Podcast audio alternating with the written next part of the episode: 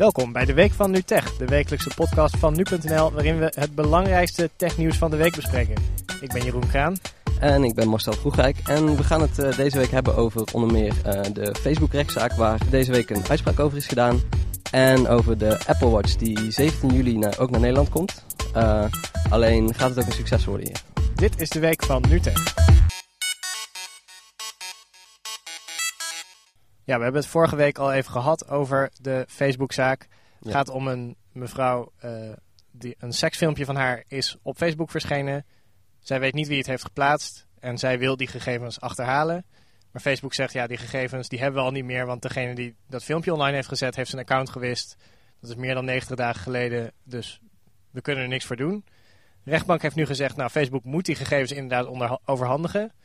Eh, en als ze die niet hebben, dan moet een onafhankelijke partij gaan zoeken in de servers om te kijken of er toch nog iets gevonden kan worden. Ja, klopt. Eh, de, de toenmalige vriendje heeft wel gezegd dat hij het filmpje gemaakt heeft. Maar niet dat hij het, eh, hij ontkent dat hij het online heeft gezet. Ja. Het zorgt natuurlijk wel voor een soort interessante wisselwerking tussen, tussen rechtbank en Facebook. Facebook zelf zegt natuurlijk, ja, we hebben het niet meer. Rechtbank, ik weet niet, lijkt er van uit te gaan van oké, maar er zijn mogelijk nog wel gegevens die je, eh, die Ja. je kunt opvragen. Ergens verstopt eh, in het systeem. Maar het kan eigenlijk twee kanten op. Als dat zo is, en Facebook heeft inderdaad nog gegevens die op te vragen zijn, dan klopt natuurlijk helemaal niets van het verhaal van Facebook. Dat ze zeggen dat ze claimen, ja, die gegevens kunnen wij echt niet meer achterhalen. Ja. Dan zijn ze dus gewoon nog wel te achterhalen. En dat heeft niet alleen effect op ehm, die zaak van, omdat het toevallig nu over een seksfilmpje gaat. Ja. Dat, dat heeft dan betrekking op, op alle data. ja. Ehm, En het is ergens ook wel logisch dat ze dingen verwijderen natuurlijk. Als jij je account verwijdert, dan verwacht je ook wel dat je foto's echt van de servers van Facebook verdwijnen. Er is ooit nog wel eens ophef geweest omdat dat niet het geval was. Maar in dit geval ging het niet zomaar om een account, maar om een account waarbij al was gemeld... hey, eh, er staat iets op wat niet kan. Eh, dus je zou denken, ja, moet, moet, er, moet er een regel komen eigenlijk omdat... Dat, dat ze in dat soort gevallen in ieder geval wat gegevens moeten bewaren. Ja, dat, dat is het andere scenario.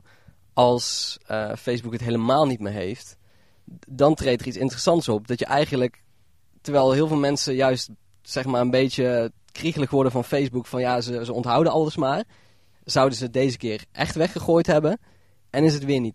Ja, is, is het, nog weer niet ja. goed eigenlijk.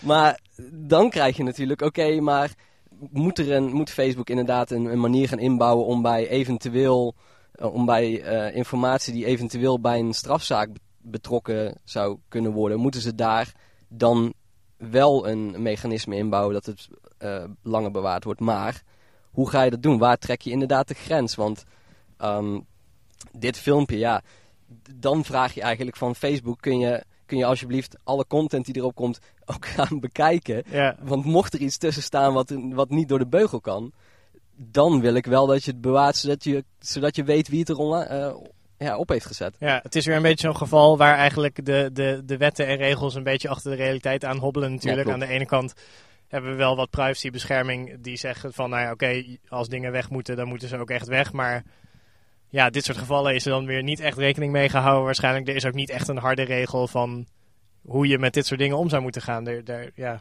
dat is ook natuurlijk iets heel, een heel nieuw fenomeen dat zoiets überhaupt kan gebeuren. Tien jaar geleden was er niet eh, echt sprake van dat, eh, dat dit zou gebeuren en dat je dan ja, dat soort gegevens ineens nog moet achterhalen. Ook in de werkwijze van de politie kan je zien dat het heeft gewoon heel lang geduurd voordat die gegevens überhaupt zijn opgevraagd bij Facebook. Waarschijnlijk zou de politie in een ideale situatie bij dit soort dingen veel sneller moeten reageren, zodat Facebook die gegevens in ieder geval nog wel heeft, zelfs als er geen specifieke regel is voor dat ze het moeten bewaren. Als je er sneller bij bent, is in ieder geval nog veel meer kans dat die gegevens nog niet permanent zijn gewist. Ja, ja, je zou inderdaad kunnen denken aan eh, een soort van voorzichtige, voorzichtig verzoek aan Facebook. Van op het moment dat je weet dat er een zaak dat je eigenlijk al aangeeft van... Oh, oké, we zijn Houd deze aan het vast. onderzoeken. Ga dit niet weggooien. Want als die mechanismen standaard door blijven lopen van na een paar maanden is het klaar. Ja, een zaak, dat kan maanden duren. Zeker als je een hoger beroep of wat dan ook. Het kan natuurlijk... Ja, dat is wel. Het kan natuurlijk niet zo zijn dat je in een hoger beroep gaat. Een jaar later komt het, komt het weer voor de rechter. En dat Facebook dan zegt... Ja, nu is het echt weg. Maar nu, zijn we weer een jaar verder. Dus, eh, Ja. ja. Ik vind het ook interessant, want nu moet er dus een onafhankelijk bureau moet dit gaan doen. Er wordt al de naam eh, Fox IT door een aantal mensen geroepen. Dat is een partij die het mogelijk zou kunnen doen, die ervaring hebben met van dit soort forensisch onderzoek in digitale systemen. Maar hoe bewijs je dat iets niet bestaat? En hoe zoek je in, zeg maar, als, als, hij wel, als er wel iets te vinden is, dan, ja, als je, en je komt het tegen, dan heb je, heeft dat onderzoek een duidelijke conclusie. Maar als het onderzoek niks vindt, is dan bewezen dat het ook niet bestaat. En hoe zoek je in zo'n systeem? Want Facebook heeft ongetwijfeld zelf manieren om accounts te vinden en Mhm. te vinden wat eraan gelinkt is. Maar als die systemen niks opleveren, staat het dan toch nog ergens? Moet je dan echt zeg maar, harde schijven gaan scannen, nog weer met andere systemen? Ik vind het echt fascinerend hoe je dat überhaupt aanpakt. Omdat het, dat lijkt me ja, in een enorme data-hooiberg eh, zoals wat Facebook heeft, is dit wel een heel klein, eh, heel klein naaltje. Ja, ja je, je, zou er vanuit mogen gaan ergens dat ze het absoluut nooit, nooit kunnen vinden. Maar wat ik wel... Facebook is natuurlijk ook bij gebaat... En nou, dan wil ik niet een conspiracy hoedje aandoen. Maar Facebook is er natuurlijk wel bij gebaat dat het niet te vinden is. Want op het moment dat het is van... Oh, maar het staat gewoon daar... Zo ja, we hebben even een, een 20 minuten gezocht en we konden het filmpje helemaal in zijn volledigheid kon het nog gewoon terugvinden. Dat kan natuurlijk niet. Ja. Dus je, je, je denkt ook van ja, ze gaan nu een onderzoek uitvoeren bij Facebook. Een onafhankelijk. Alleen Facebook zelf heeft natuurlijk, weet als, als geen ander zijn eigen systemen en, en waar die data heen gaat. Waar, wat, er, Ja. wat er mee gebeurt als ze de data eh, weggooien, zeg maar. Dus ja, kun je, kun je er inderdaad ooit zeker van zijn dat als ze niets vinden, dat het niet is geweest dat ja, Ja. kijk, ik vind dat lastig, want een bedrijf kan zeg maar claimen van nee, we hebben het niet. Ja, je- maar je kunt er niet altijd van uitgaan dat een bedrijf dan ook maar de waarheid Nee, en het is natuurlijk, het verschil is natuurlijk dat eh, eh, vroeger wat je dan deed, is je haalde gewoon een hele pand ondersteboven. Eh elk stukje papier wordt geïnspecteerd. En als het er dan is, dan vind je het wel, Ja. tenzij het echt al door de shredder is gegaan. maar. Ja. Maar nu, ja, hoe doe je dat in een digitaal systeem? Dat is in ieder geval een vraag die ongetwijfeld nog wel vaker terug zal komen. Er is ook nog deze week ook nog een andere zaak, niet een rechtszaak, maar een, een vrouw eh, op wiens Facebook-account ineens allemaal zeer racistische uitingen verschenen. Ik weet niet of je erover hebt gehoord. Gewoon een normale Nederlandse, dat gebeurt Het vaak was een Nederlands. Ja, eh, iets ander geval. Dus dit was een, een mevrouw die werkte bij een kinderopvang uit Voorburg. Eh, en er waren ineens allemaal dingen op haar account verschenen over dat er een bom moest op, op eh, Ja, moskeeën. dat gaat wel een Nou stukje verder, ja. ja. Ehm, en, ehm, maar zij zegt dus dat ze die post niet heeft geplaatst. En zij heeft dus, omdat het gaat over haar eigen account, waar mensen dus, waar dus hackers of, of andere mensen in ieder geval in zouden zijn gekomen, kon zij over haar eigen account gewoon al dingen opvragen. En zij zegt dus, nou daaruit blijkt duidelijk dat mijn eigen IP-adres op dat moment niet online was en dat ik dus, dit dus niet heb gedaan. En dat, dat toont wel aan dat als je het over je eigen account kan opvragen, dan heb je natuurlijk wat meer macht. Want Facebook is ook verplicht om jouw informatie daarover te geven en zal er ook minder moeilijk over doen als het je eigen gegevens zijn. Maar als het zo, dus zoiets wordt geplaatst vanuit een nep-account, dan is het ineens weer een heel ander verhaal. En dan, ja, dan krijg je dus dit soort situaties zoals in die wraakpornozaak, waar dingen ineens kwijtraken. Het is, ja, het is moeilijk hoe, hoe je daarmee om moet gaan. Het, het, is een, het is een lastige kwestie van privacy. Want aan de ene kant wil je je eigen privacy zo goed mogelijk beschermd zien worden door Facebook. Maar op het moment dat je dan iets van een andere account, dan gelden daar natuurlijk diezelfde regels voor. Dus dan kun jij ook die informatie niet zomaar even opvragen. Dat, maar we gaan dit on- ongetwijfeld nog eh, de komende, komende jaren gaan we heel ve- veel van dit soort zaken zien, denk ik. Ja, en de komende weken dus, eh, als het goed is, wordt een, eh, een onderzoeksbureau aangesteld dat, Dat, gaat al zo snel? uitsluitsel moet gaan geven. Ja. Ben benieuwd. Ik ook. 17 juli is het dan zover. Eh, dan komt de Apple Watch ook in Nederland uit. Eh, de instapprijs voor het 38 mm model van het, eh, de sportuitvoering is 419. Voor 42 mm is eh 469. Wil je de roestvrij stalen, dan moet je al gauw ja, dan moet je 669 euro neertellen. Dat Minstens. zijn minstens, ja. Als je ook nog andere bandjes erbij wil, dan wordt het nog duurder. Dus dat zijn flinke bedragen. Dus dan is de vraag, wordt, het, wordt de Apple Watch populair in Nederland? Ja, opvallende prijzen ook dat het duurder is dan eh, in Duitsland. 20 euro meer Ja. kosten ze allemaal. Volgens mij is dat bij iPhones en zo nooit zo geweest. Eh, dat is ook op zich, op zich ook logisch dat als die in Duitsland 6,99 kost, dat die dan hier niet 719 wordt of zo. Dan Ja. ga je wat meer afronden. Maar we hadden de Duitse prijzen natuurlijk, die hadden we al eh, toen, toen de release datum van de Apple Watch bekend werd gemaakt. Ja. Dus toen kon je inderdaad al, die waren, lagen al hoger dan de dollarprijzen, Ja. toch? Ja, Ja, maar dat heeft de- altijd ook te maken met Ja. belastingen en zo. Maar nu blijkt, ja, er zal ook misschien een verschil zitten tussen de BTW in Duitsland en Nederland. Dat, Ja. dat weet ik niet precies. Maar goed, een klein verschil. Dus in ieder geval niet de goedkoopste smartwatches. eh, vergeleken met eh, Android Wear of Pebbles eh, is het toch al, nou ja, twee keer zo duur ongeveer. Ja. Ehm, en ik vraag me ook af hoeveel Nederlanders er nou echt op zitten te wachten op een smartwatch. En als jullie daar een mening over hebben, luisteraars, mail dan vooral even naar tech.nu.nl of, of eh, stuur even een eh, tweet naar ons. Want er zijn een aantal, er is niet heel veel onderzoek naar gedaan. Maar een van de partijen die dat wel doet is GFK, grote marktonderzoeker. En die eh, een half jaar geleden hadden die een onderzoek dat 17% van de Nederlanders van plan zou zijn om binnen een jaar, geloof ik, een smartwatch te kopen. En nu laatst, in een half jaar tijd, was dat omlaag gegaan naar 11%. Ja, dat is, wel, dat is wel typisch. Tenminste, Op een periode dat er allerlei smartwatches Ja. verschijnen, de Apple Watch wordt aangekondigd, allerlei, Maar- het is de hele tijd in het nieuws. misschien is dat het juist. Op het moment dat, je, dat er daadwerkelijk van die horloges uitkomen en dat je dan...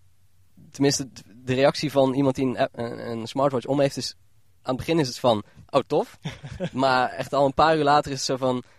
Ja, En oké. nu? En, en- inderdaad, en nu. En op het moment dat iemand zojuist 300 euro heeft uitgegeven aan een produ- product... en een paar uur later al, al twijfelt aan de functionaliteit ervan... Ja, dan dat nodigt niet uit voor andere mensen in zijn, naaste omge- in zijn of haar naaste omgeving om dan te zeggen... Nou, Nee. ik ga ook met portemonnee trekken. Dus in die zin snap ik ergens wel, nu het concept wat minder vaag is geworden... Want het klinkt heel tof natuurlijk, dat je, Ja. Al, dat je op je pols alles kunt doen. Maar je kunt niet alles doen. en dat is meer, het, daar komen mensen heel snel achter, dat je eigenlijk maar heel weinig kunt doen. Ja, ja, er zit wel wat verbetering in. Ik heb nu zelf een, eh, de Watch Urbane, niet Urban, maar Urbane van LG. Dus vreselijkste naam ooit. Ja, eh, om nieuwe Android Wear met de nieuwe update die daarvoor is uitgekomen. En er zijn wel weer wat dingen verbeterd. Eh, apps opstarten is beter. De Google Maps app op Android Wear is echt veel beter geworden. Maar het is nog steeds een beetje inderdaad...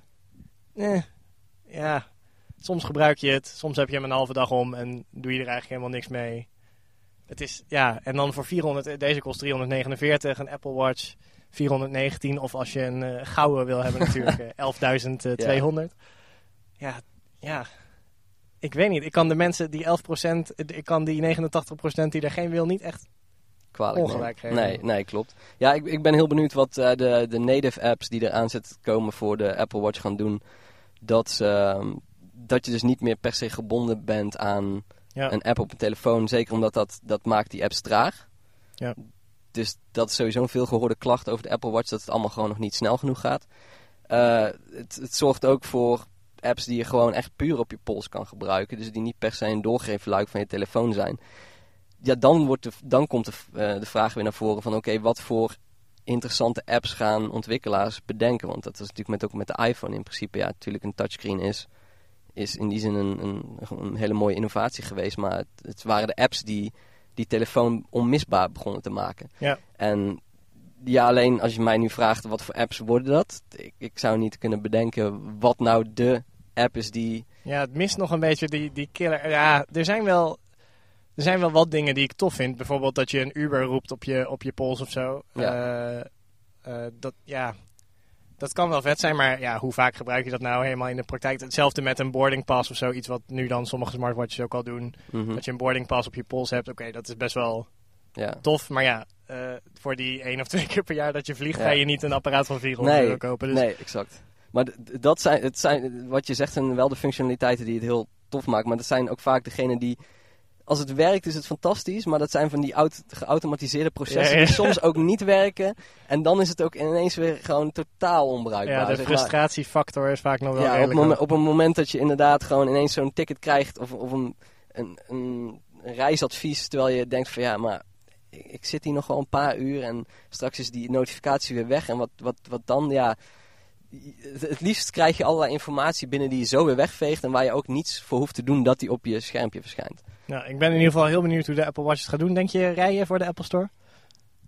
Ja, ja, ja toch wel. Gewoon, Toch ja, wel. ja het- het- zeker. Of alle, alle echte fans zijn al naar Duitsland geweest. Dat kan ook natuurlijk. Ja. ja, dat is ook. Ik ben wel benieuwd wat voor mensen dan in de rij gaan staan. Ja.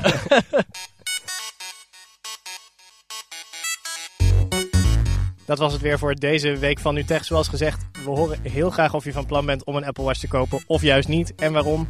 Mail naar tech.nu.nl of vind ons op sociale media. Je kan ons ook volgen op Instagram en Snapchat. We zijn daar NuTechNL. En wil je meer weten over de Apple Watch, dan kan je natuurlijk altijd even zoeken op nu.nl naar onze review. En daar vind je natuurlijk ook het laatste nieuws. Wij zijn er volgende week weer. Tot dan. Doei.